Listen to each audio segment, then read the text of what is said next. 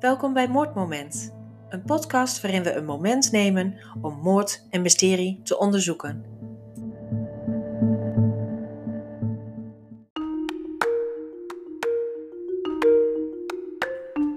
Hey hoi, welkom terug. In de aankondiging van de vorige podcast zei ik dat de podcasts uh, zo'n 500 keer waren beluisterd. Nou, het is echt chaotisch, want echt binnen een week zitten we op de 2500 keer beluisterd.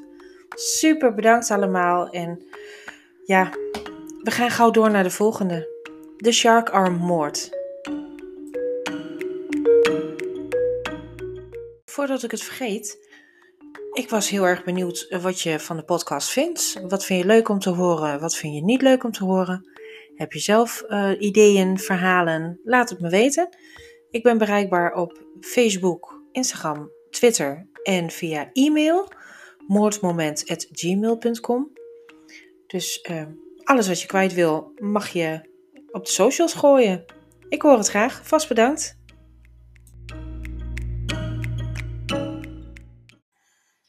De lente van 1935 was een turbulente tijd in Australië.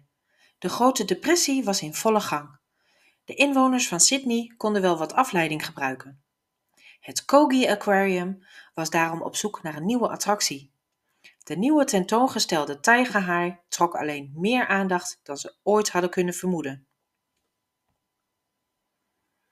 Ongeveer 87 jaar geleden waren de zwembaden van Kogi favoriet bij vele gezinnen. Het lag direct aan het strand van Sydney en daaromheen een uitgebreide promenade met hotels en winkels. De inkomsten van het zwembad liep terug toen Kogi Pier en daarmee de promenade werden gesloopt. Zonder de bezoekers van de speelhal, de theater en de andere drukbezochte attracties naast de deur was eigenlijk een faillissement niet te voorkomen.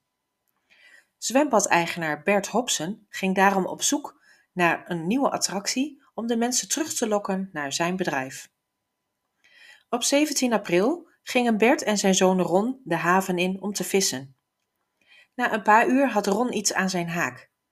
Toen hij die rustig binnenhaalde, begon de lijn ineens enorm te trekken en moesten Bert en Ron vechten om de vangst binnen te halen.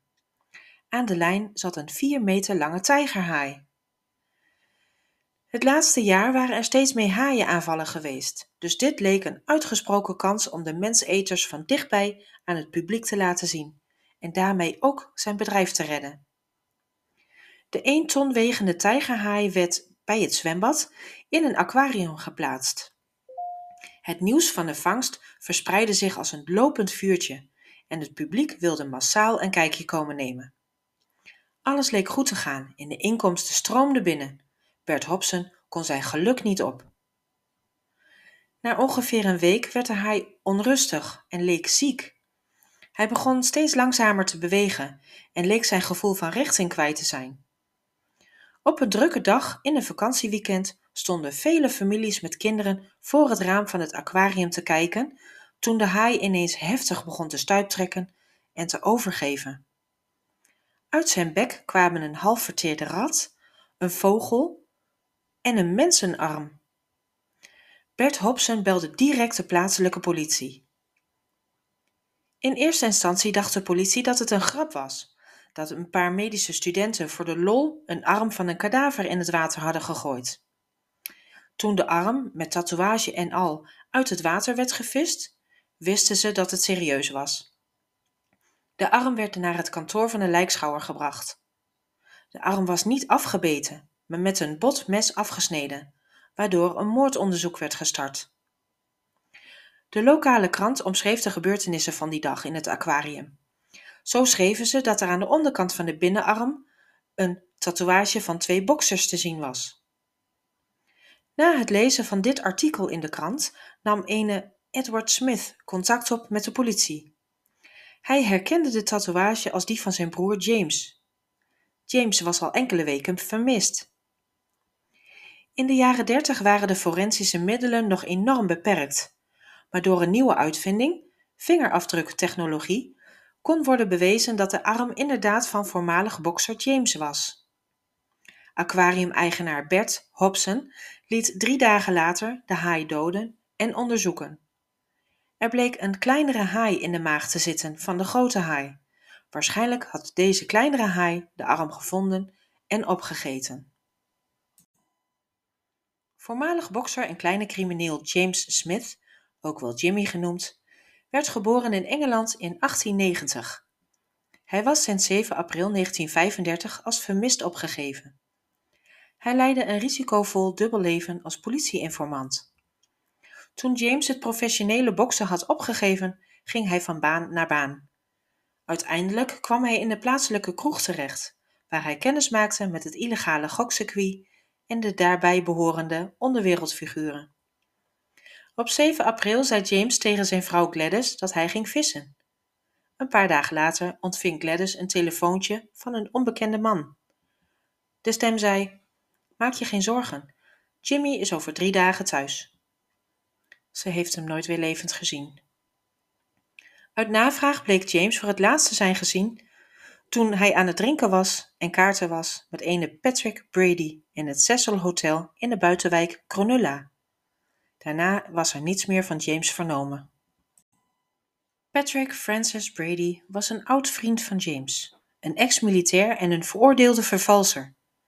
In de Eerste Wereldoorlog ontdekte hij zijn talent voor het vervalsen van handtekeningen. Hij werkte voor Reginald Holmes en vervalste checks met kleine bedragen door handtekeningen te gebruiken van Reginald zijn vrienden en klanten. Die checks werden vervolgens door Patrick en later ook door James geïncasseerd. Reginald William Lloyd Holmes was een man met vele gezichten. Een geliefd familieman, een gerespecteerd lid van de samenleving, maar ook een actieve heroïnesmokkelaar. Daarnaast bleek hij het meesterbrein in diverse verzekerings- en bedrijfsfraudezaken. Verder was hij in het bezit van een succesvol familiebedrijf in de scheepsbouw. Wanneer zeeschepen hun smokkelwaar overboord hadden gegooid, liet Reginald zijn zelfgebouwde speedboten, de cocaïne, sigaretten en andere smokkelwaren oppikken. Voor dit soort klusjes huurde hij James in. Een ander klusje van James leidde tot het zinken van Reginald's pleziercruiser, de Pathfinder. Terwijl Reginald de verzekeringspapieren van de cruiser netjes indiende, meldde James de hele situatie bij de politie. De Pathfinder bleek heel bewust oververzekerd te zijn, waardoor de verzekeraar weigerde uit te betalen. Reginald kwam hierdoor in grote financiële problemen en hij kon Patrick en James geen loon meer betalen. James was het hier natuurlijk niet mee eens en hij begon Reginald te chanteren. Rond de tijd van James' verdwijning woonde Patrick Brady in een klein huurhuisje vlakbij Gunnamatta Bay. Het was een schilderachtige locatie direct aan het strand.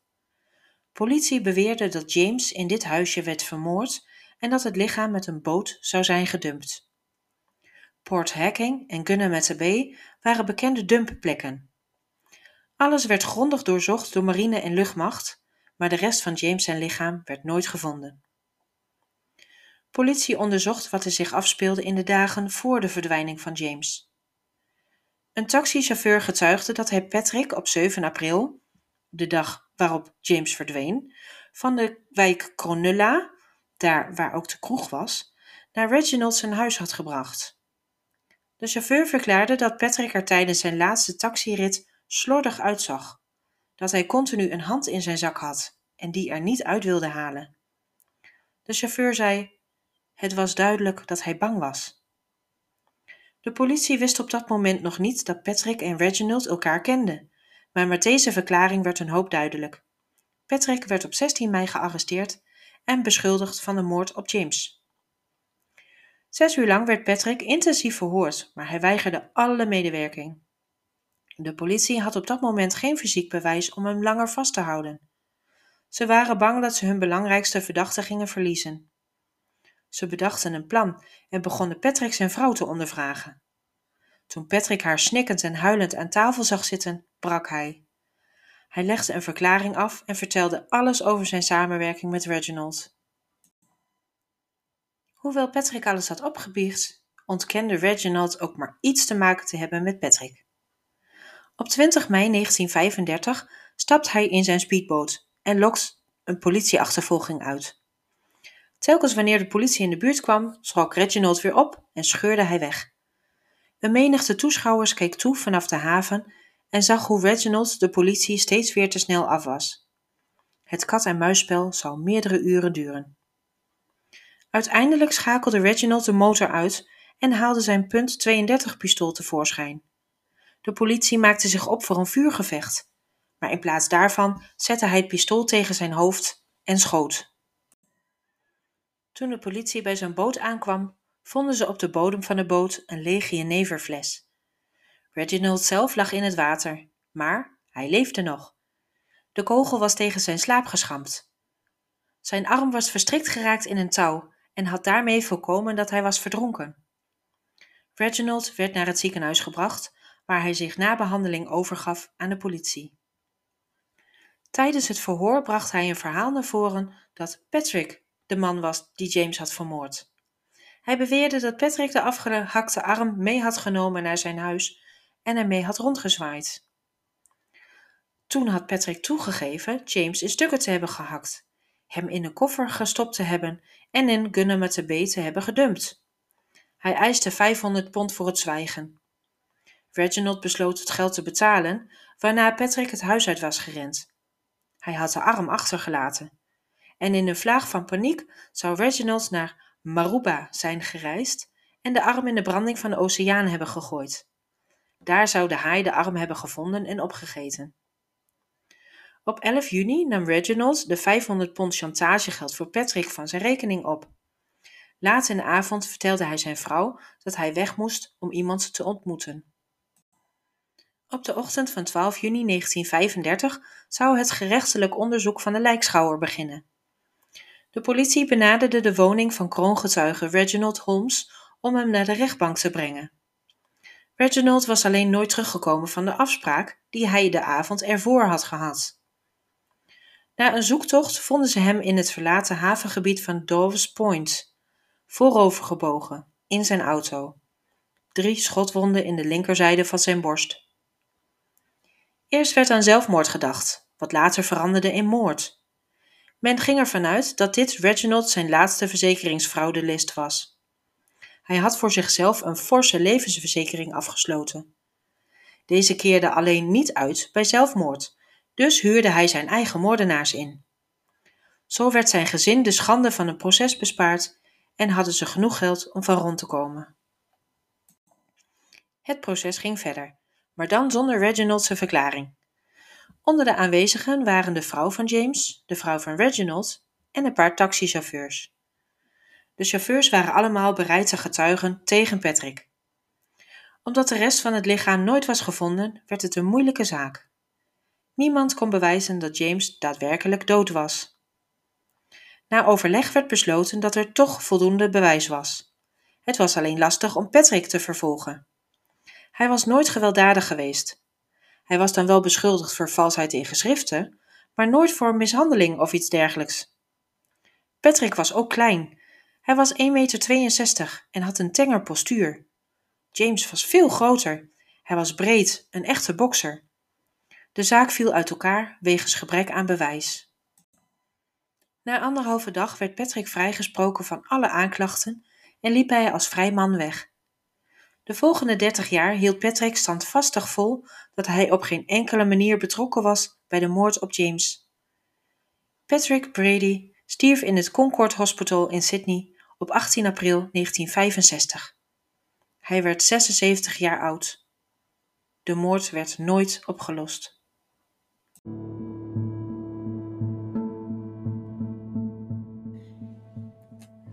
Het verhaal wat je zojuist hoorde is inclusief beeldmateriaal terug te vinden op moordmoment.blogspot.com.